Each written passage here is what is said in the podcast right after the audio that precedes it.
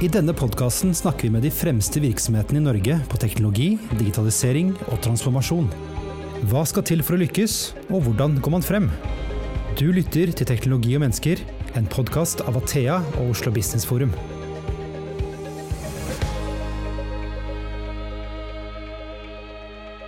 Da er vi tilbake med en ny episode i podkasten Teknologi og mennesker, og godt nyttår! Mitt navn er Christian Brostad, og jeg jobber i IT-selskapet Athea. Et tips, hvis du abonnerer på podkasten, så får du nye episoder rett inn i spilleren din.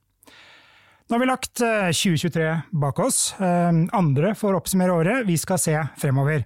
Så i denne episoden skal vi snakke om teknologitrender for 2024. Vi har med oss to spennende gjester. Tor Kramvik Sivertsen, partner i Deloitte. Og du er jo en gamle traver, du har vært her før? Ja, veldig hyggelig å få bli invitert tilbake. Og Spennende å se hva dere har i ermene for dette året. Absolutt. absolutt. Og så har vi en nykommer, holdt jeg på å si. Erik Lene, senior managing partner i Gartner, velkommen. Tusen takk. Dette er jo din første podkast. Hvordan er nervene? De holder seg under kontroll ennå, men vi får se, da. Mm. Det går nok bra. Du er i godt selskap her. Vi har utfordret dere til å komme med spådommer for 2024 om teknologier som enten får et ordentlig gjennombrudd dette året, eller vil ha mest innvirkning på hvordan vi jobber, lever og samhandler på. Og både Deloitte og Gartner utgir jo nye rapporter hvert eneste år. Og vi skal ikke gå gjennom alt, det er tidkrevende, men vi har plukket ut noen godbiter. Til lytterne så legger vi ut også lenker til disse rapportene i tekstfeltet under denne episoden. Men Erik, aller først. Hvordan blir disse trendrapportene til? Hva er det dere gjør for å skaffe dere denne innsikten? Mm. Det er litt forskjellig, men i år så var det vi har 2500 analytikere som følger teknologi, akademia, anvendelse. Så ble de spurt, alle sammen, om å komme inn med forslag. Det kom vel inn noe sånt som 40 000 ideer til teknologitrender. De ble da behandlet av en gruppe som jobber med denne rapporten, de er rundt 20. Som da så på sammenhenger og hvordan de overlappet og hvordan man kunne gruppere dem. Så kom vi fram til da ti trender. Og i år så er litt fokuset på hva som kan praktisk anvendes. Ikke så veldig langt frem i tid, men nære, sånn at en sånn to-tre års perspektiv er liksom tidsperspektivet vi har forholdt oss til. Mm. Det er jo ikke så lett å spå. Nei, det er, det, er ikke, det er, ikke, det Men jeg opplever at vi har de siste 15 årene gitt ut denne rapporten, og vårt fokus er ikke så veldig ulikt Gartners men vi er faktisk enda kortere. Det er liksom hva, hva, treffer virksomhetene de neste 18 månedene? Det er det vi forsøker å, å være veldig tydelige på. Og så har vi alltid med et kapittel liksom om litt mer inn i framtida, hva er det som da da ligger der. Og, og det, det, opplever vi at har truffet. Ikke alle har truffet på alle sektorer i alle land, men vi opplever at dette er relevant, og at, at det er ganske høy presisjon. Og det er kult, for da opplever vi at virksomheter i Norge kan ta nytte av den globale utviklinga og er med på toget og med på reisen. Men det som kanskje er mest spennende her, er jo hvordan man knytter strategi og teknologi sammen, sånn at det faktisk blir noe ut av det, og ikke bare en ny trend. Mm. Nydelig. Jeg tror vi setter i gang, Erik. Ja. Dere har fått i oppgave å plukke de liksom mest sentrale trendene i rapportene, så nå er vi spent. Mm. Da vi gjorde den grupperingen av alle disse innspillene, så så, så vi at det grupperte seg innenfor tre temaer. Og det ene er det å beskytte de investeringene du har eller kommer til å gjøre. Så det går mye på sikkerhet og tillit til modeller og slike ting. Den andre gruppen har vi kalt da de som bygger, altså 'Rise of the Builders' har vi kalt det. Og det dreier seg om hvordan man kan benytte teknologi til å utvikle IT-løsninger raskere. Og det siste, som jo er det viktigste, det er jo da hvordan teknologiene kan bidra til å skape verdi for virksomhetene. Og det er jo ikke til å stikke under stol at AI og generativ AI er en, en stor trend. Det var eh, i fjor og, og, og, kommer til å være eh, toneangivende. Eh, vi kommer til å se kunstig intelligens som en partner i mange forskjellige settinger. Eh, og er det noe som er viktig når du skal ha en partner, er jo å stole på den. Eh, derfor eh, er det en, en av de trendene vi har, som jeg har plukket ut, er jo det vi kaller på veldig dårlig oversettelse, eller forkortelse, AI-trism. Og jeg skulle tro at med så mange mennesker så kunne vi lage en bedre forkortelse, men det har vi ikke gjort da. Det står da for Trust, Risk and Security Management. Eh, og det, det, jo noe, det er jo ikke noe nytt eh, med AI, men det som er nytt med AI, er at det innfører noen helt nye kan du si, angrepsflater som de som ønsker oss vondt, kan benytte. Og det er en ganske uforståelig teknologi for veldig mange. Eh, som jo gjør at du må behandle det på en litt annen måte enn de klassiske eh, Enterprise-løsningene som du har hatt i, i, mange mange år.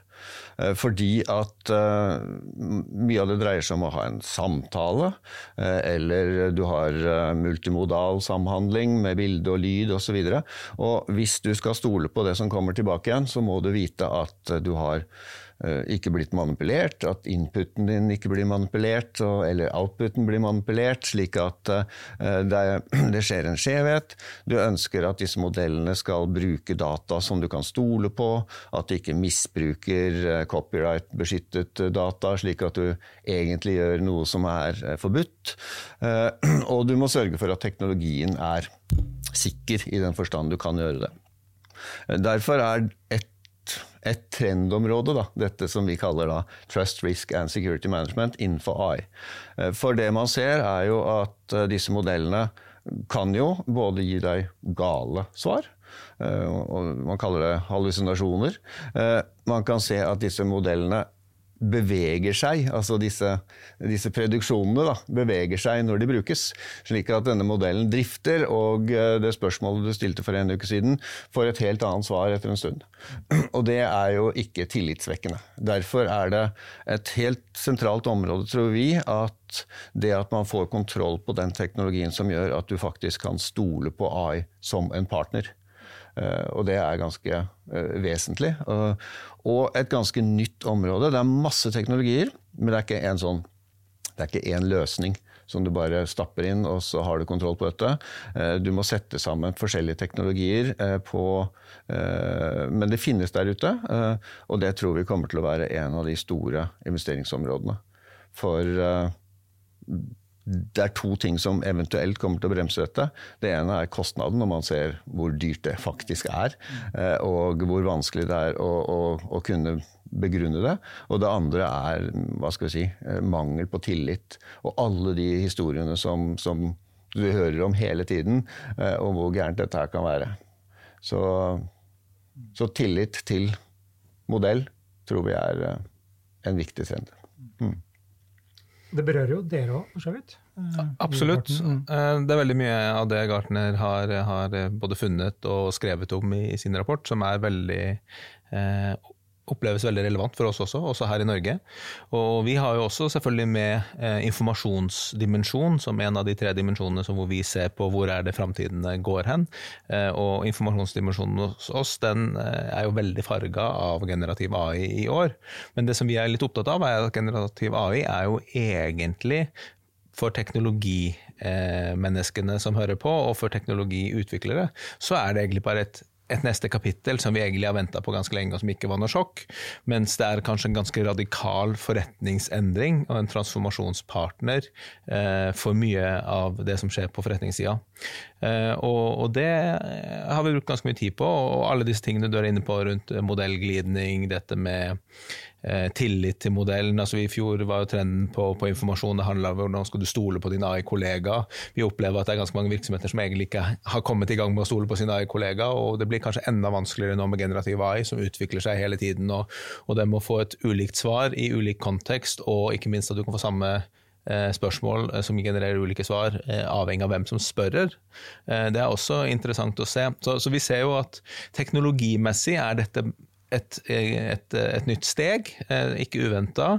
Eh, men adopsjonen av det, effektene, de er ganske radikale og kan bli store. Eh, Vi opplever også at veldig mange virksomheter er i gang.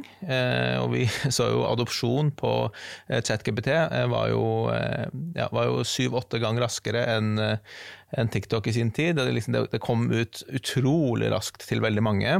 Eh, og så opplever vi at virksomhetene, eh, i hvert fall de som på en måte har et, et rykte og et tillit og et renommé å ta vare på, har jo måttet være veldig forsiktige eh, med å ta det i bruk. Og noen blir nå sett på litt som laggards, fordi de jobber med å lage planer, de skal være resilient, de ser på hva er, kommer fra EU-act, hva slags reguleringer andre reguleringer treffer. Dette med copyright er jo noe som veldig mange nå er opptatt av. Liksom når den der første enorme wow-effekten Oi, kan vi gjøre dette, og kan vi generere sånn og sånn?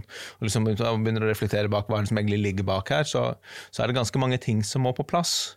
Eh, og, og, her er det jo veldig, veldig gøy å være gammel BI-mann og sånn uh, maskinlæringsutvikler, eh, fordi det vi har snakka om om data governance, om å ha liksom fundamentet riktig, det har aldri vært viktigere. For nå er liksom, får du dårlig data inn i modellen din, får du sklidning på modellen din, din, eh, så får du garantert dårlige data ut.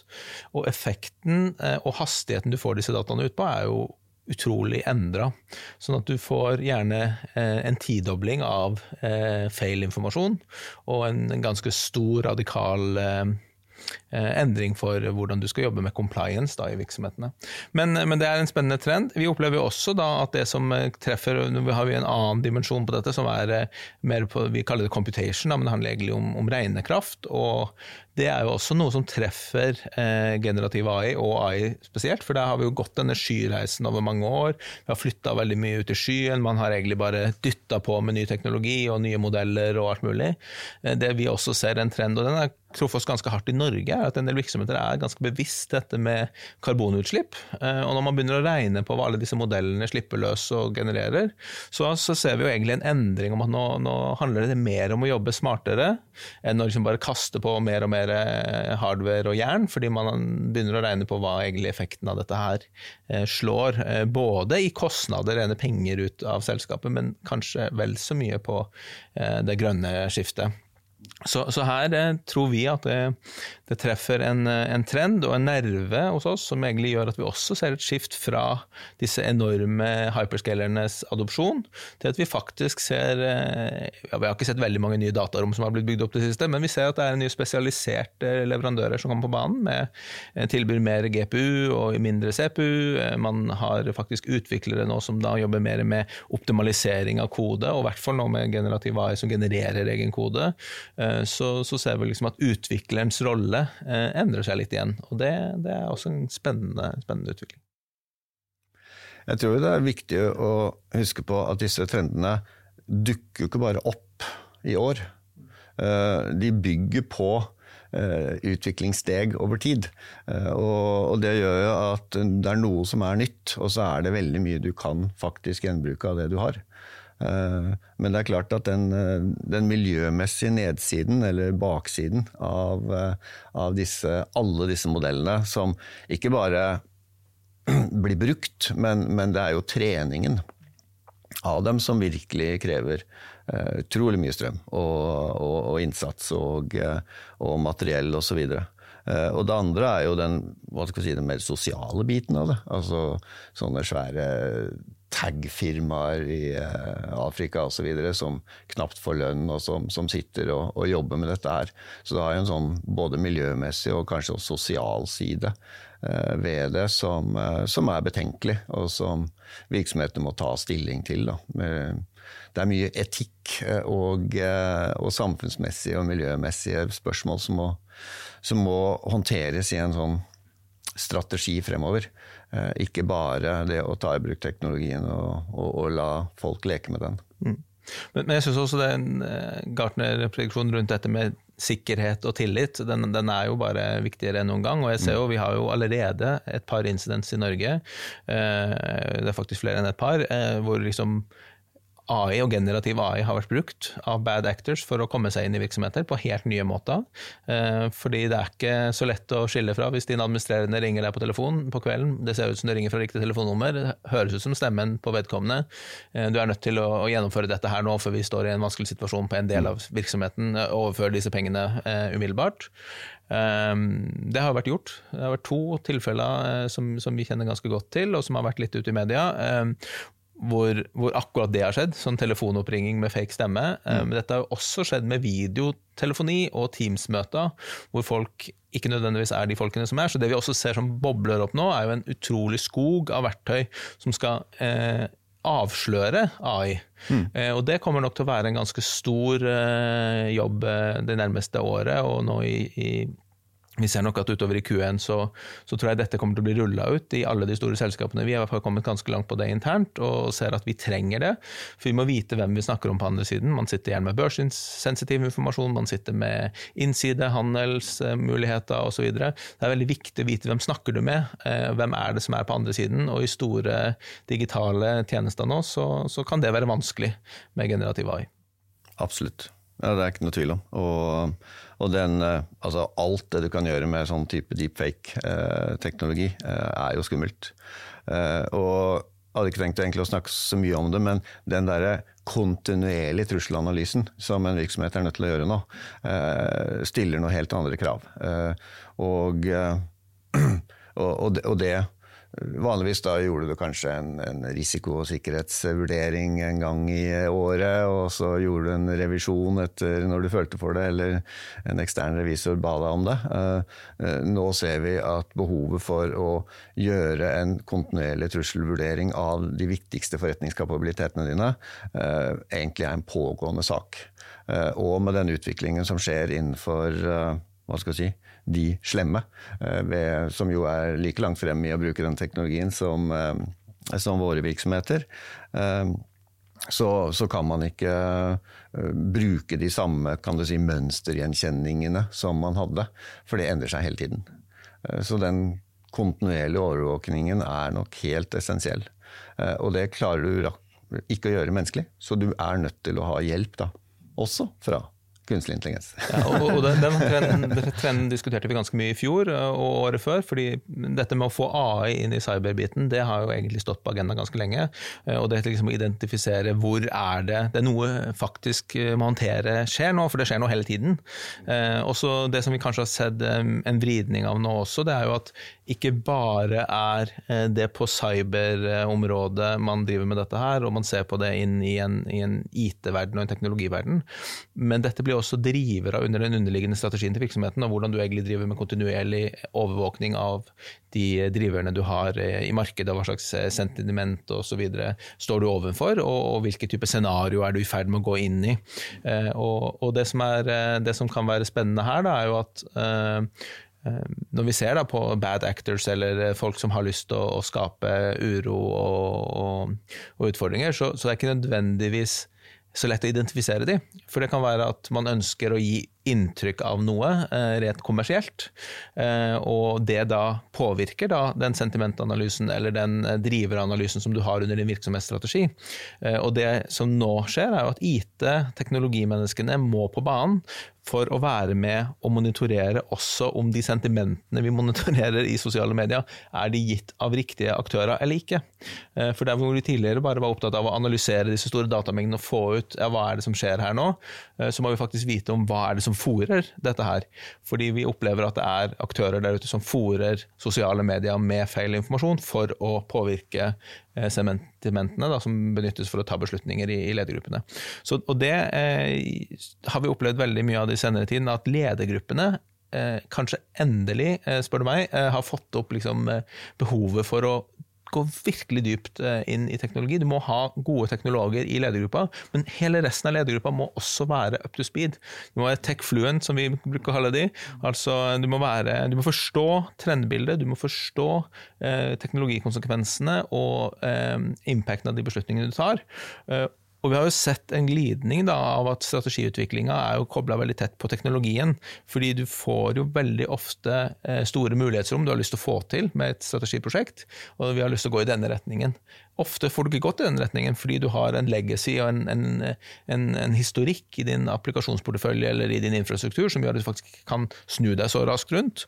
Eh, og det er det som vi egentlig eh, snakker om som kjerne workouts. Du trenger egentlig ha en Du trenger ikke den der årlige slankepillen, du trenger en, en ikke en roseanalyse. Nå er det sprøyter, faktisk. Ja, nå er det faktisk sprøyter. ikke sant? Er, men, men, jeg tror også de sprøytene må du, kan du ikke ta bare én gang i året. Nei. Jeg tror du må ta de litt sånn jevnlig. Mm. Og det er egentlig det vi ser nå, at du må egentlig melde på IT-stacken din i et slags eh, gymmedlemskap, hvor du har uh, ukentlige check-ins med, uh, med, din teknologiledergruppe for å se ja, hvor, hva, hva, er det vi skal muskler vi skal trene nå.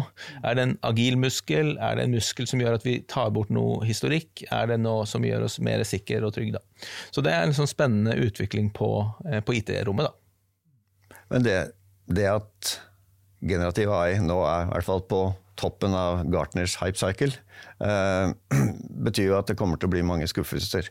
Men det gode med hype er at eh, det skaper en debatt. Eh, folk er interessert. Eh, og, og, til forskjell fra tidligere år, så er det jo nå at eh, i en virksomhetsledergruppe så har de fleste prøvd dette her. Altså dette er noe de personlig eh, har engasjert seg i. Eh, og det er, eh, det er, noe annet ved dette enn det vi har sett tidligere. Eh, hvor IT er på en måte noen andres oppgave, og som skal understøtte den teknologiske retningen eller strategiske man velger å gå. Nå er det noe som har kommet inn som en teknologi som alle bruker. De skjønner jo ikke helt hva det innebærer, men det at det er så hypa nå, gjør at Og de har fått tilgjengelighet. I motsetning til blockchain, da. Superhypa. Ingen skjønte hvordan det funka, og det ser jo ikke ut til å være det helt store eh, ennå. Eh, eller i hvert fall lenger. Eh, så er dette noe annet, for det har truffet, det har liksom vært med å demokratisere hele, hele tech-bruken. Eh, og det, det, tror jeg er noe som eh, disse ledergruppene og styrene osv. nå eh, forstår at nå er det noe de må henge med på. Eh, og, og det, eh, det, er en veldig interessant endring. Mm.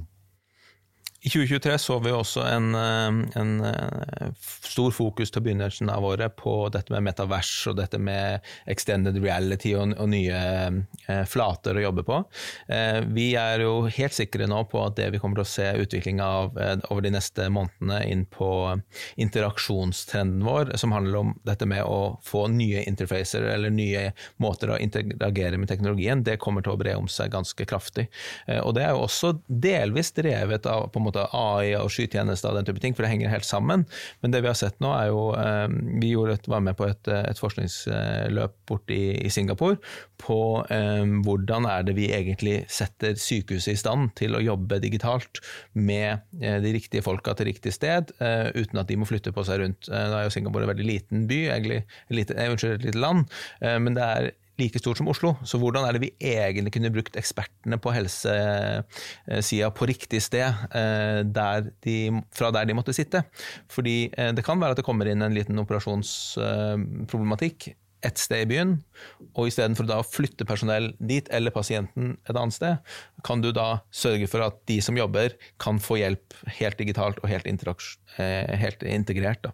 Eh, og det vi har sett, eh, den extended reality, og vi er jo veldig spente nå på hva som kommer med, med Apple sin, sin Vision-brille osv. For foreløpig er det litt dårlig i disse Surface-brillene, men vi, vi, har sett at Nvidia har ganske mye teknologi som kommer nå, og som rulles ut. Både på sykehus, det rulles ut i industribedriftene, det rulles ut ganske rundbaut i alle yrker hvor det på en måte er hvor du på en måte blir skitten på hendene, eh, så ser vi at du, her er det rom for å jobbe på en annen måte og integrere på nye ny muligheter. Og, og, det å koble dette riktig, eh, hvor du da tidligere hadde litt sånn løsrevent VR, eh, som var sånn litt i din egen verden, så fikk vi XR, som var litt sånn integrert og, og, og på tvers. Men når du kobler dette sammen med virksomhetens data og AI-modeller og digitale tvillinger osv., så, videre, så får du en helt ny impact. og, og tilbake til sykehuset i Singapore, så var det ganske kult å se at de som faktisk tvingte gjennom det første 5G-prosjektet i Singapore som land, det var kirurgene. For det gikk for sakte med VLAN 6 eh, på eh, interaksjon, fordi du skulle ha så mye data opp i brillene. Og det som eh, er liksom den eh, hvis man kaller det forretningsmessige utviklinga av dette, her, da, eller altså det som på en måte var den store gevinsten, det var jo at man faktisk kunne gjøre kikkhullsoperasjoner istedenfor åpne operasjoner, som har mye lavere risiko for pasientene med infeksjon og den type ting. Eh, og I tillegg så fikk du jo ut den der datamaskinen fra Eh, fra kirurgiområdet, som også er en sånn smitte- og potensielt bakteriefelle. Fordi du jobber i et virtuelt grensesnitt, du jobber på andre måter, helt ny eh, interaksjon. Eh, og vi ser at vi kunne, og dette er jo også kommet ganske langt med på OS nå, med å få, liksom, få folkene inn der de skal være. Dog så er det akkurat som med, med generativ AI, at det er jo modeller som trenes, og det er modeller som behandler. Og dette med å både sikre pasientdata, dette er viktig at man er innenfor alle reguleringer reguleringene når man jobber med modellene.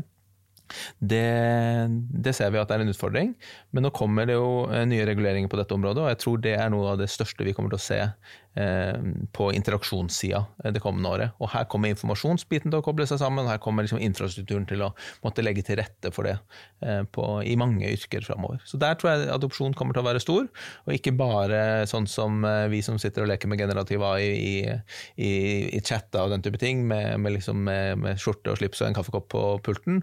Jeg tror disse yrkene som har litt mer, litt mer blod og svette og tårer og olje og vindmøller osv., som driver og jobber jobber i litt sånn eh, utfordra eh, arbeidsmiljø, de kommer til å se en ganske stor endring eh, det nærmeste året.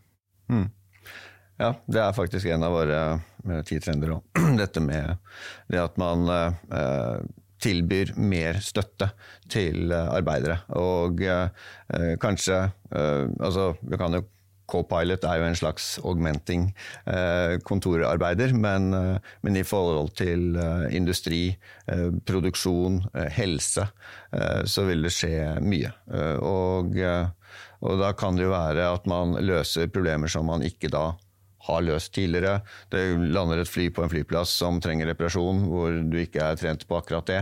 Du vil kunne få tilgang på den informasjonen eh, mer eller mindre i samtid. Du kan få hjelp fra andre. Du kan eh, håndtere dette både audiovisuelt og tekstlig.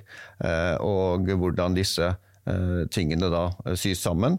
Det kan godt hende at det ligger en eller annen språkmodell helt bakerst i dette her, men, men det å få tilgang på den informasjonen og få hjelp underveis, eh, det vil være en en stor hjelp. Altså man øker kompetansen. Og det er jo en av de generelle tingene vi ser, at kompetansegapet mellom på en måte nyutdannede eller nyansatte som er helt ferske i sitt game, kontra disse som er eksperter.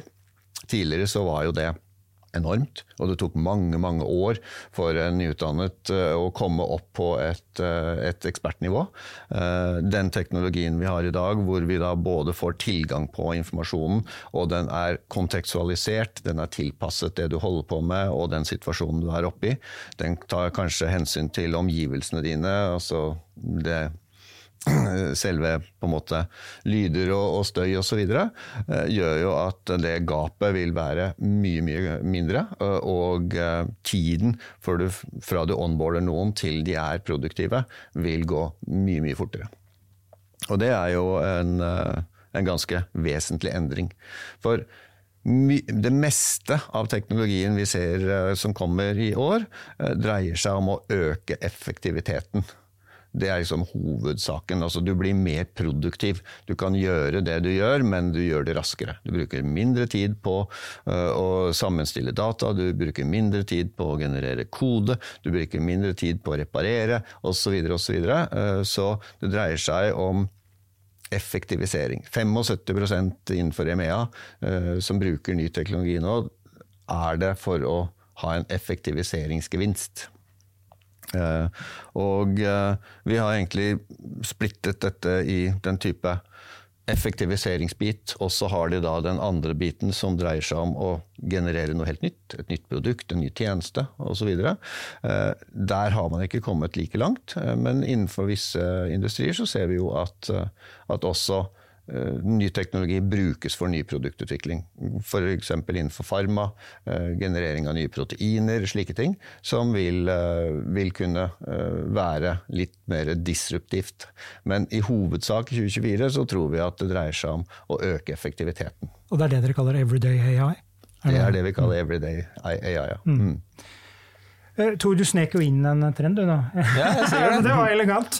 Eh, jeg har en sånn følelse, fordi at vi har snakket om AR, VR og sånn egentlig mange år, mm. og så har det egentlig aldri løsnet, bortsett fra at vi får jo AR-opplevelser gjennom Snapchat og en del av de sosiale medieplattformene. Mm. Hva er det annerledes nå? Eh, hvorfor tror dere på dette nå, enda sterkere enn tidligere? da? Nei, altså Det vi ser som har kommet på plass, det er mye av infrastrukturen. Mm. Eh, altså Det er raskere, du trenger, det krever mye data eh, å ha en god integrert opplevelse på tvers av digitale og, og fysiske flater. Eh, og det har ikke vært så tilgjengelig eh, alle steder. Eh, så vi ser jo her at her er det jo en sammenglidning av mye underliggende teknologi som gjør dette tilgjengelig. Vi ser på eh, Det er en del innenfor fiskeri og, og havbruk hvor det har vært veldig dårlig nettverkskapasitet, men nå med med type lavbanesatellitter og veldig raskt internett eh, på den måten, eh, med 5G tilgjengelig nær overalt, eh, så, så har dette endra seg veldig. I tillegg så har på en måte disse teknologiene gått fra at Eh, ja, det er litt sånn eh, leketøy eh, til at det ble teknologi du kunne anvende, til at det nå faktisk blir industrielt adoptert. Da. Og Så ser man egentlig effekten, og, og, det er ganske mange brukergrupper i en virksomhet som, som, snur seg rundt og tenker at dette er nyttig.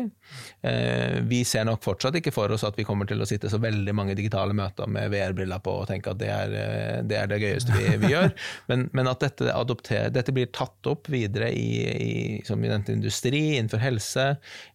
Vi har sett mye supply chain på dette med visualisering av ruteplanlegging, eh, og så har det jo vært ganske lenge innenfor trening. Og, og, når det gjelder trening, så, kan, så, er det ikke type at nå skal vi lære en ny skill, vi som, som skal programmere den type ting, men det er jo f.eks. denne operasjonen som jeg nevnte. Altså, hvis du skal forberede til denne operasjonen, så kan du i praksis gjøre hele operasjonen i en digital tvilling. Eh, hele det teamet som skal jobbe. Og om det sitter to kirurger i Tyskland og en i Singapore og en i Australia, så jobber de sammen på samme modell og ser real time, real, eh, hvordan dette henger sammen. Eh, og så kan de gå ut og gjøre den jobben etterpå på en pasient. I tillegg så vil de jo da kunne kunne få AI-informasjon inn og få generert eh, prediksjoner. Ok, nå skjer dette real time. Da, da, er det disse tre er liksom de topp tre statistisk beste metodene for å gjøre dette her. De får masse beslutningsstøtte da, eh, rett ut der de trenger den, eh, og, og integrert. Så, så det, tror vi, det, tror vi, absolutt er det, er det som driver det. Og så tror jeg også at man har tatt med seg læringa fra maskinlæringstida og fra eh, litt sånn den RPA-bølgen som var for noen år siden. Hvem er det som stoler på at maskinen gjør jobben riktig? Altså, det er de teamene som har fått vært med fra dag én og utvikle dette her. Det er ikke de produktene som noen har sittet og laget et eller annet sted, og som bare blir pusha ut på folk. De stoler man gjerne ikke på hvis man ikke forstår eh, innholdet. Og, det er ganske viktig i en AI-kontekst hvor det er vanskelig å forklare hva, hvor kommer beslutninga fra. Jeg så også at verktøyene har blitt bedre på eh, kildehenvise. At du får liksom, ja, dette har vi anbefalt pga. Eh, og så får du en liste med både kildehenvisning og, og, og, begrunnelse. Så det tenker jeg er, eh, er, viktig, da. Men jeg tror jo at eh, det stiller jo litt nye krav da, eh, til arbeiderne eh, og, og, vi som er ansatte i virksomhetene. Da. Så vi ser jo kanskje en, en dreining nå fra dette med DevOps, og liksom du skulle utviklerne og de som driver drifter og forvalter eh, være tett integrert. Så ser vi jo egentlig en, en dreining mot en eh, utvikleropplevelse, da, fordi det har blitt så vanskelig å holde tak i de beste folka. Altså De beste utviklerne de er etterspurt rundt i markedet og, og, går dit eh, der det er kule problemer å løse, eh, og ikke nødvendigvis verken der de får best betalt, eller eller der hvor samfunnet kan, kanskje har mest behov for at de er. Men det å faktisk da vri seg inn og, og klare å skape den utvikleropplevelsen, så du klarer å beholde dine tech-mennesker.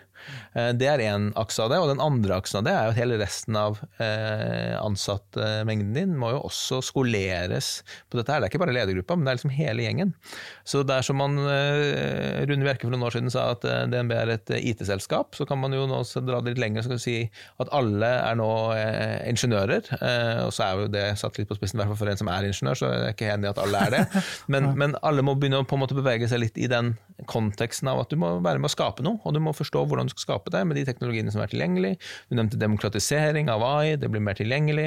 Vi har sett low code, no code blomstre opp fordi at du skal kunne få flere deler av virksomheten med på, på utviklinga. Så den, den der, hvordan er det du egentlig legger til rette for at virksomheten utvikler seg, og har kontinuerlig strategisk utvikling på agendaen? Det tror jeg blir Eh, blir nøkkelen da, for å få adopsjon opp. Men en ting som skjer med de fleste applikasjoner, vi tror jo faktisk alle om noen år, er jo at de vil ha et talegrensesnitt. Og det gjør jo at uh, terskelen for å bruke den type teknologi vil bli mye lavere. Uh, vi liker jo å stille spørsmål. Uh, mennesker er jo hva skal vi si, skapt for snakking og, og stille spørsmål, få svar. Ha en, ha en, utvikling på den måten. Når da alle applikasjoner mer eller mindre kommer til å ha et talegrensesnitt. De kommer til å ha et multimodalt grensesnitt, men de kommer også til å ha et talegrensesnitt. Så vil jo, vil jo den anvendelsen øke noe enormt. Eh, og det gjør jo at eh, det er mye enklere å koble bruken av teknologi til de faktisk fysiske oppgavene du holder på med. Eh, for du er ikke bundet av et tastatur, en skjerm osv. Vi så jo noe mm. godt eksempel på, på, NTNU. så har de jo da På cyberavdelinga der nå så har de eh, ganske generativt gått bort fra en del av de mer standardiserte programvarepakkene. For studentene syns de, de, er litt sånn fastlåste. Eh, så mm. der genererer jo studentene sine egne samarbeidsrom, bare med å spørre eh, generativ AI kan du gi meg koden for å lage dette og dette og dette, og dette, mm. og så bare fòrer de det opp, og så har de en ny instans i løpet av kort tid, og så har de et nytt verktøy. Mm. Eh, og så tester de det verktøyet og jobber sammen på det, og så er liksom ja, det funka ikke, ja, skrapper vi det, og så lager vi et nytt et. Eh, og det er en helt annen måte å jobbe på, eh, som jeg mm. tror eh, når disse folka kommer ut i, i, virksomhetene, så aksepterer ikke de at nei, beklager, du har en SAP fra 97, og her er grensesnittene sånn sånn og sånn og sånn. Eh, så, så, dette må vi ta inn over oss hvis vi skal klare å engasjere den yngre generasjonen som kommer opp. Og jeg tror det er kjempespennende, men det, det, er en spennende læringsreise for de som faktisk er i etablerte virksomheter. Da. Eh, og så syns jeg det er ganske spennende hvordan man kunne fange da, den der For du snakker om dette kunnskapsgapet som blir mindre og mindre mellom de erfarne og de nye som kan komme seg raskt opp. Mm. Men de erfarne eh, som faktisk har lært og, og, generert, de må jo også ha et, et rom for å liksom, spille tilbake den innsikten og den kunnskapen de har. Da. Og så kan man jo da, eksempel sånn som Eh, Equinor har jo vært og uttalt at de har en, en, utfordring med at veldig mange av sine ansatte kommer til å gå av med pensjon innen kort tid. Og De har jo, de som jobber der nå, eh, de har eh, bygd opp en kompetanse som er ganske unik i verden over de siste 40-50 årene, som vi alle sammen har hadde veldig fått gode liv fordi de har gjort. Men den kunnskapen den må jo ikke forsvinne med at folk går i pensjon. Så hvordan skal liksom virksomheten ta vare på denne kunnskapen, sånn at de faktisk kan bygge opp de nye medarbeiderne? Og det ser vi vi også en, eh, en, integrert trend på nå, på at man jobber veldig aktivt med å bygge opp forretningshjerner og innsiktsbaser eh, som på en måte skal ta vare på ikke bare teoretisk kunnskap, men også faktisk erfaringer og, og den type data. Så, så det er, tror jeg også blir ganske spennende. og der tror jeg f.eks. den her du snakker om, hvordan du snakker til maskinene, blir helt essensielt. Eh, og så må liksom maskinene hjelpe oss med å sortere og lagre de dataene der de skal være, sånn at de blir brukt på riktig måte senere. Da. Og jeg tror det er nøkkelen, fordi det er jo de færreste virksomheter som har evnen økonomisk eller på andre måter til å bygge opp disse store modellene. Eh, så de fleste vil jo bruke en kommersielt tilgjengelig stor språkmodell. Men for at da du skal få anvendt den informasjonen som bedriften selv sitter på, så må du nettopp bygge opp disse hva skal vi si, eh, proprietære informasjonsbasene. Eh, de må tagges og de må bearbeides på en sånn måte at de kan anvendes sammen med en tilgjengelig stor språkmodell. Eh, for, eh, for ellers så, så, vil vi egentlig ikke få så veldig stor nytte av disse store modellene. Eh, for det de svarer på, er jo basert på statistikk som er trent på en helt annen data, uh, datamasse enn det som uh, du har behov for. Uh, så det å få hentet tilbake denne type informasjon og få tilgjengeliggjort den, altså gjort den det vi kaller AI-klar, eller AI-ready, er ganske vesentlig. Og, og, da er det jo det å få trukket ut denne informasjonen. Da. Eh, men det kan jo også teknologien hjelpe deg med. Du Ja. kan jo bli intervjuet av en bot. Absolutt. Eh, Så, eh, og du kan ta opp eh, Og vi ser jo at eh, en annen interessant trend er jo disse intelligente applikasjonene. De blir jo Applikasjoner du bruker i dag, blir mer og mer intelligente. Det vil si at de tilpasser måten de hjelper deg som bruker, basert på det bruksmønsteret uh, man har sett. Uh, enkleste eksempelet er jo en sånn type GPS, eksempel, som, som da, selv om du alt, den alltid sier at du skal kjøre til høyre, så liker du å kjøre til venstre. Eh, og til slutt så gir den opp, og så sier den ja, kjør til venstre. Den tilpasser seg det bruksmønsteret. Eh, og hvis du tar en intelligent eh, applikasjon og anvender den av en veldig erfaren, så vil det bruksmønsteret kunne innarbeides i måten den applikasjonen støtter deg på, slik at du kan bygge inn litt sånn hva skal jeg si, tacit knowledge inn i disse intelligente applikasjonene. Og De fleste applikasjoner etter hvert nå får en AI-komponent. Ikke nødvendigvis gen-AI-komponent, men har en AI-komponent. Eh, Og eh, vi gjorde et studie for noen måneder siden innenfor sikkerhetsområdet, hvor vi ser at stort sett alle eh, ledende applikasjoner i dag har en ganske betydelig AI-komponent som bidrar til å gjøre disse applikasjonene mer intelligente.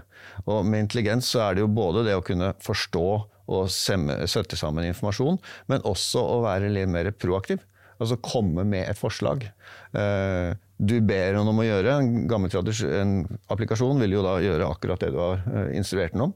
Eh, Disse intelligente Ta f.eks. Copilot vil jo f.eks. innenfor eh, BI-området eh, ber du om en graf på et eller annet, så kommer da grafen. Og så kommer også to-tre andre grafer som kan være interessante for deg å se på, fordi at det er dette området du jobber med. Altså den, det gir en helt annen, en helt annen måte å, å samhandle på med applikasjonene.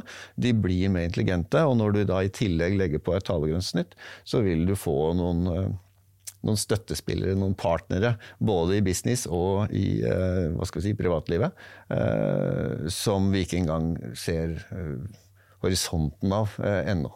Det kommer til å være utrolig spennende, og det kommer til å skje veldig mye i år. Og det der gir oss jo uante muligheter da, med tilgjengelige ressurser da, i virksomhetene. Vi kommer til å bruke mye ressurser nå på liksom å komme up to speed og få automatisert og integrert, men det er eh, veldig spennende å tenke på eh, hva eh, vil bli tilgjengelig av kapasitet i virksomhetene. Hvordan kan vi liksom effektivisere drift, effektivisere de oppgavene vi gjør, og alt som vi på en måte holder på med i dag, til å faktisk begynne å skape noe innovasjon og, og nye retninger. Da. Så jeg, jeg gleder meg veldig til, til reisen vi skal se på både på, i offentlig sektor, men også i, i, og effektiviseringsgevinstene der, men ikke minst altså nye produkter, nye tjenester som norske virksomheter kan være med å, å shape og sette opp, basert på at de nå får frigjort en del kapasitet som har vært låst i litt manuelle, repetitive oppgaver, eh, og liksom nå skal vi ja, kanskje skru opp den uh, dørlåsen som gjør at vi får et nytt gir. Uh, men det skjer jo overalt, uh, så jeg tenker at det er spennende å se hvem er det som egentlig kommer ut på andre siden med et, et nytt, nytt race. Jeg tror vi har med vår modell her i, i, Norden et ganske sånn spennende tankesett rundt det. Vi har ganske flate organisasjoner, folk kan komme opp med gode ideer og man kan få lov å spille hverandre gode. Så jeg håper at vi, vi ser at det er, utvikler seg i, riktig retning, og tror det ja, mot slutten av året så tror jeg vi har sett ganske mye effektiviseringsgevinster basert på, på effektiv bruk av både AI, automatisering og, og nye visualiseringer. Mm. Men der, hvis vi ser på det hypen forteller oss, da, så er det jo, det er jo stadig vekk eh, informasjon om 40% 60% økt effektivisering. Eh, og det er jo gjerne knyttet til én oppgave. Uh, klassisk er jo utviklereffektiviteten øker med 40 uh, Våre studier viser at en utvikler bruker ca. 15% av tiden sin på utvikling. Det er veldig mye møter, det er grooming, det er masse du, du holder på med. Uh, så 40% av 15% er 6% Og det matcher ganske godt de faktiske studiene og de, de, kom, de bedriftene som har fått erfaring med det, at det ligger sånn mellom 25% effektivitetsøkning. Så disse hallelujastemningene som, som akkurat nå er, med sånn 60-70 effektivitetsøkning, eh, ser ikke ut til å være realistiske foreløpig. Så får vi se. Og det andre er jo at det er en kostnadsside ved dette her som veldig mange ikke har egentlig forstått. Disse tingene kommer til å bli veldig dyre. og ikke bare dyre i tilgjengelighet, men, men også dyre i bruk. Sant? Så, sånn at vi tror jo at hovedbremsen nå kommer til å være at det er vanskelig å regne hjem mye av dette her. Eh, så det å virkelig se de gode use casene og klare å, å, vise steg for steg at du oppnår en gevinst, eh, tror jeg er viktig for å holde på en måte ledelsens og styrets eh, interesse. Da. For, for, det er lett nå å fortelle om alt det herlige dette her kan gi. Det er vanskeligere å vise til resultatene eh, i det, i, det, tidsperspektivet som forventes. For det er også ganske kort. Så at man har sett den utviklingen gå så fort, så forventer man at gevinstene kommer sånn. Uh, og det kan godt hende at du får en, en økt effektivitetsgevinst på, på, på 4-5 uh, men hvis driftskosten din går opp med 10% så, så er det kanskje ikke en god business case allikevel. Mm. Men den type helhetlig verdistyring da, som man må gjøre eh, i den settingen som du beskriver der, da, det er veldig viktig. Og at man da faktisk har modeller og evner i de som faktisk skal ta beslutningene, til å se eh, akkurat det. For det er jo lett å hive seg på hypebølgen, eh, samtidig glemme da at du har en legacy som ikke moderniserer seg selv. Eh, og så tror jeg også at vi kommer til å få mer og mer fokus på på dette grønne. Hvis, det, eh, hvis våre prediksjoner slår til, så, så, tenker jeg at det kommer også til å være noe som blir stilt spørsmålstegn fra ledelsen. Hvordan kan vi gjøre dette her eh, uten å på en måte pådras betydelige flere CO2-ekvivalenter? Eh, mm. Så, mm. så, det tror jeg blir spennende. Jeg, jeg syns det var den der opplevelsen, da, utvikleropplevelsen. Eh, fordi jeg tror at eh, virksomhetene må bruke sine ressurser eh, på en mer presis måte. og jeg, Våre studier viser akkurat det samme liksom, knytta til eh, hvor lite tid en utvikler faktisk bruker på å utvikle. Eh, så det jeg tror eh, vi ser, da, er jo at den utviklings... Skal man holde utviklerne happy, så må utviklerne få lov å jobbe med det de syns er gøy å jobbe med. Og det er ganske mange av de som syns både møter og andre typer ting er ganske kjedelig, viser noen studier. Og, og, da tenker jeg at da eh, er det liksom, hvordan kan vi da hjelpe de med å faktisk få frigjort da halvparten av den tida si til å drive med utvikling, og hvis vi da klarer å få 5 eh, effektiviseringsgevinst på det, så blir det mer og mer. Eh, så jeg tror det å, å organisere seg på en annen måte rundt teknologiutvikling, det tror jeg blir, blir veldig, veldig viktig. Mm. Ja. Jeg er jo gammel utvikler, og eh, en av de tingene jeg ikke syntes var det mest morsomme, det var jo å dokumentere. Mm. Uh, og det gjør jo disse verktøyene for deg nå. Ja. Altså, uh, de dokumenterer, de utvikler testskript, de kan gjøre kravspesifikasjoner, de kan gjøre design til kode osv. Så videre. sånn at veldig mye av det som vi ikke syntes var så veldig morsomt, det får, du, det får, du, hjelp til. Eh, men da må du ta det i bruk, og da må du organisere deg på en annen måte. Mm. Eh, og, og, det er jo det ene. Det andre er jo at utviklingen innenfor dev er veldig stor. Innenfor OPS er ikke fullt så stor. Mm. Så du, jo, du, kan risikere å få en veldig ubalanse da. hvis du får en ekstremt effektiv utviklingsavdeling som stadig vekk pøser ut ny teknologi. Eh, så vil du kunne få noen driftsutfordringer. Enten fordi altså kostnadsmessig igjen. Altså det bygger opp så mye bruk av, eh, av ressursene. Eh, eller du, du, klarer ikke å holde det sikkert og stabilt. Mm. Um, så, så, det er jo en interessant sak. Mm. Det er én trend. Vi kaster opp masse trender nå i samtalen, og det er jo veldig bra. Men det er én trend som jeg syns er litt sånn jeg vet ikke, interessant, litt gøy også. Mm. Eh, det sier maskiner som kunder. Mm. Det tok vi opp eh, for så vidt i forrige episode også, med DNB og Sparebanken Vest. Ja. Men eh, hva, hva, er det, for det høres jo jævlig deilig ut. Unnskyld uttrykket, vi må pipe bort den. Ja. ja. altså det er jo Det er rett og slett at uh, maskinene vil handle med maskiner.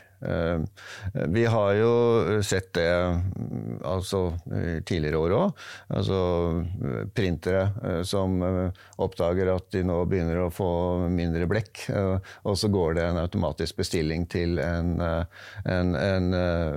e-handelsbutikk fra leverandøren. De har veldig ofte vært knyttet til et sånn veldig lukket økosystem. Printerleverandøren har en butikk for å fylle på. Eh, eller eh, store anleggsmaskiner eh, som merker at nå begynner det å slingre i et lager, eller noe i den dur, så kommer det med stilling tilbake til da produsenten. Kate Perler har jo kommet langt på det. Det er en del av disse mm. store industribedriftene.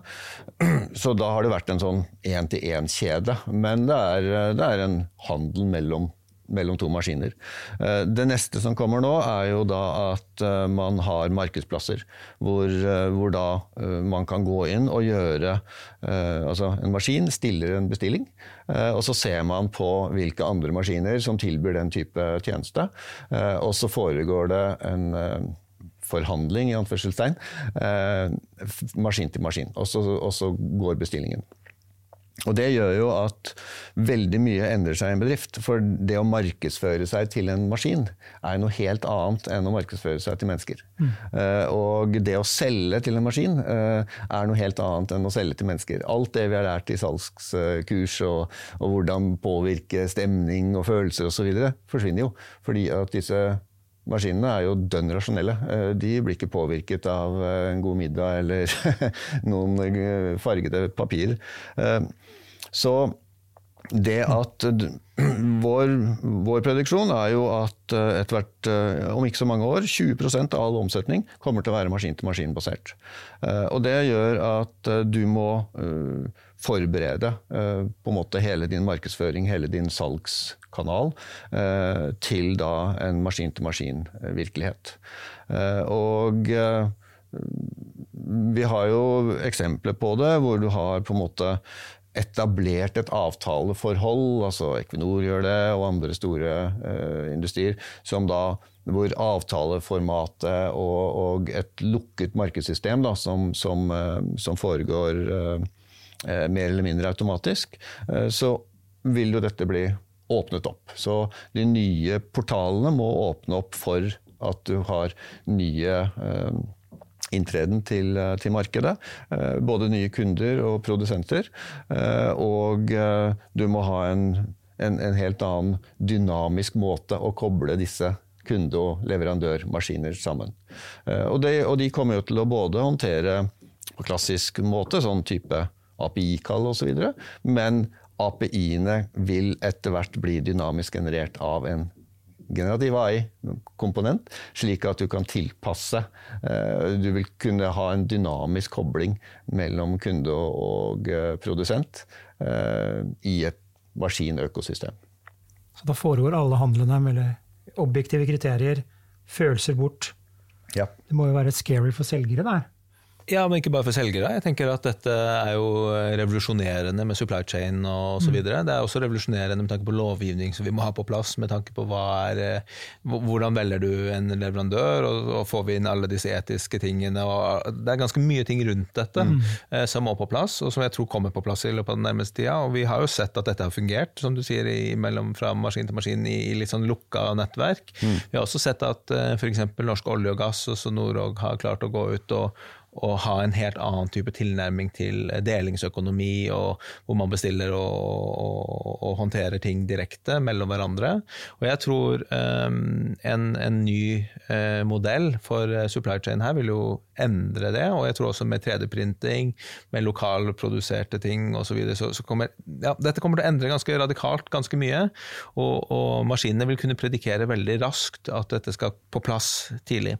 Og, men her har vi jo eh, noen andre sånne store store globale trender da, som ikke på en måte ligger på teknologisporet i det hele tatt, som, eh, som, er med inn og forhåpentligvis ikke setter noen bremser her, men, men den eh, globaliseringa vi har sett over veldig mange år, som har vært reversert de siste årene med all den usikkerheten som har vært i, i verden, så tenker jeg at det er jo også litt sånn spennende. Hvordan skal vi snu oss rundt og håndtere det. Altså Maskinene bestiller eh, fra de de bestiller fra, basert på noen kriterier, men det kan godt være at ikke de eh, altså Vi må ha også en, en modell da, og en håndtering av ja, hvem bestiller de fra, hvem er underleverandørene, hvordan er sikkerhet. Og her tror jeg, som Du nevnte at blokkjeda ikke nødvendigvis hadde tatt helt av, men jeg opplever at akkurat innenfor produksjon og supply chain og dette med å sikre sporbarhet, så har jo det faktisk eh, fått en veldig sentral rolle. og jeg tror disse teknologiene kommer til å vokse sammen, og, det blir nye økosystem på det.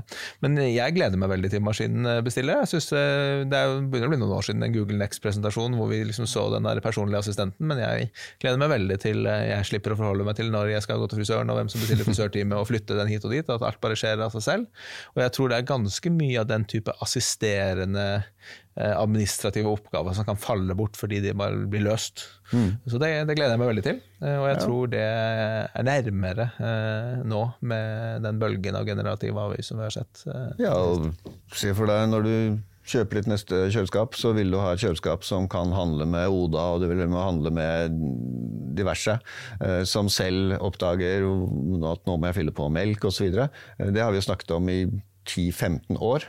Eh, nå kommer det til å skje, eh, og, og nå er teknologien der som gjør at den type link Og hvis du da har en matnettbutikk som ikke snakker med de store kjøleskapsleverandørene eller håndterer det, så vil du komme til å få et problem om ikke så lenge.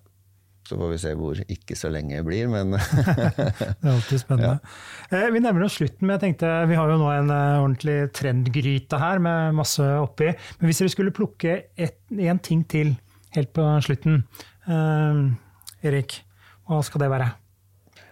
Ja, altså uh, Den store trenden i, år også kommer til å være denne ytterligere demokratiseringen av generativ AI. Mm. Men uh, hvis vi ser bort fra den litt, så tror jeg at det vi har sett innenfor kan du si, enterprise-applikasjonsnivå, altså ERP-er og andre store, komplekse løsninger, er jo at man går, har gått over mange år bort fra de store monolittiske til mer komponentbaserte. Eh, nå eh, har jo de da eh, etter hvert utviklet seg til å bli si, plattformkomponenter. Og vi ser nå en ganske interessant utvikling innenfor det vi kaller da industry cloud-plattformer. Som er spesifikke til en industri. Det er mange av dem. Sist gang vi telte, litt tidligere i høst, var det 270 sånne industriplattformer cloud platforms. Eh, det er innenfor medisin, det er innenfor manufacturing, det er innenfor retail, det er innenfor mange, mange områder. Eh, og, eh, og det gjør jo at utviklerne kan i mye større grad gjenbruke si, spesifikke forretningskapabiliteter som er pakka og tilgjengeliggjort i en sånn plattform. Kan sette det sammen på nye måter, legge på sin verdiøkning og komme mye raskere til å løse et nytt forretningsbehov enn de tidligere eh, endringene hvor man hadde ganske store, komplekse, sammensatte ting. Og ta de store ERP-løsningene som er superkom... Altså, de, de, du kan tilpasse det i alle mulige retninger inntil du har satt økonomimodellen. Da, da er liksom grunnmuren satt, og da, da, har liksom mulighetsrommet ditt begrenset seg veldig. Her har du, du kan opprettholde et mye større mulighetsrom, fleksibilitet. Eh, underveis. Eh, og du trenger ikke å tenke ut alt selv. Eh, for det er innenfor hver industri så er det en del ting som er spesifikt for den, men som ikke er differensierende. Den er bare, du må bare ha kontroll på det. Og det vil disse plattformene kunne, kunne gi.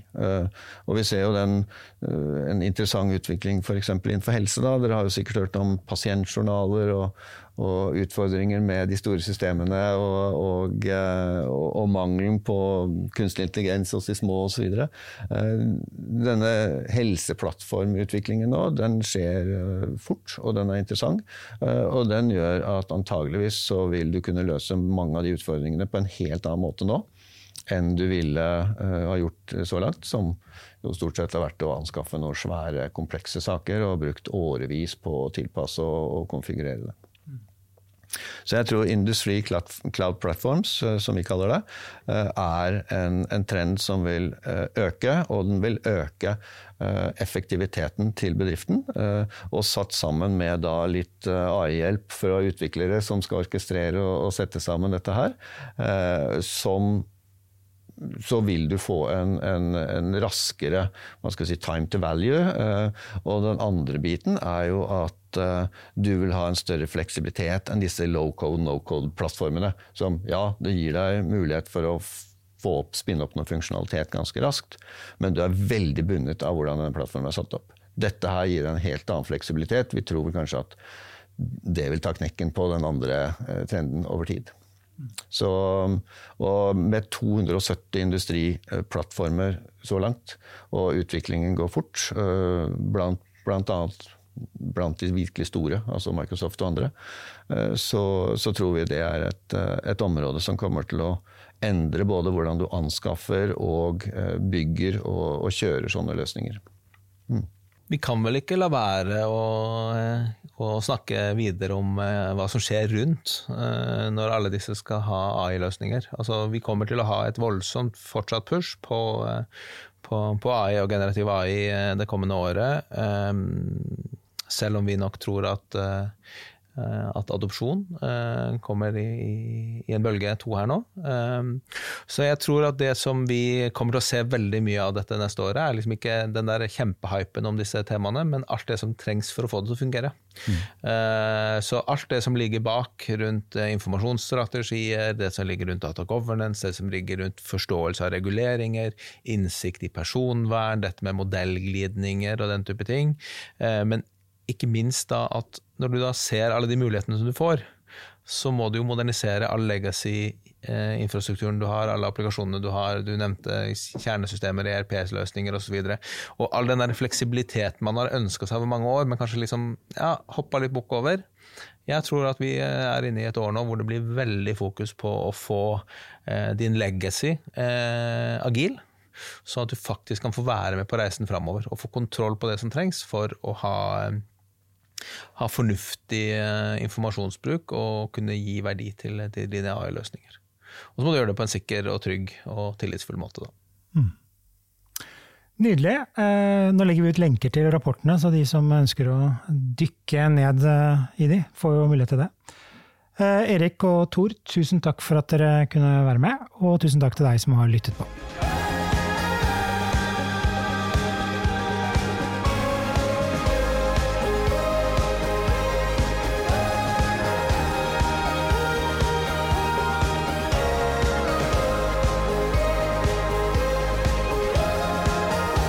Du har nå lyttet til Teknologi og mennesker, laget av Athea og Oslo Business Forum. Liker du podkasten, setter vi stor pris på om det oss noen stjerner. Og tips gjerne en venn om podkasten.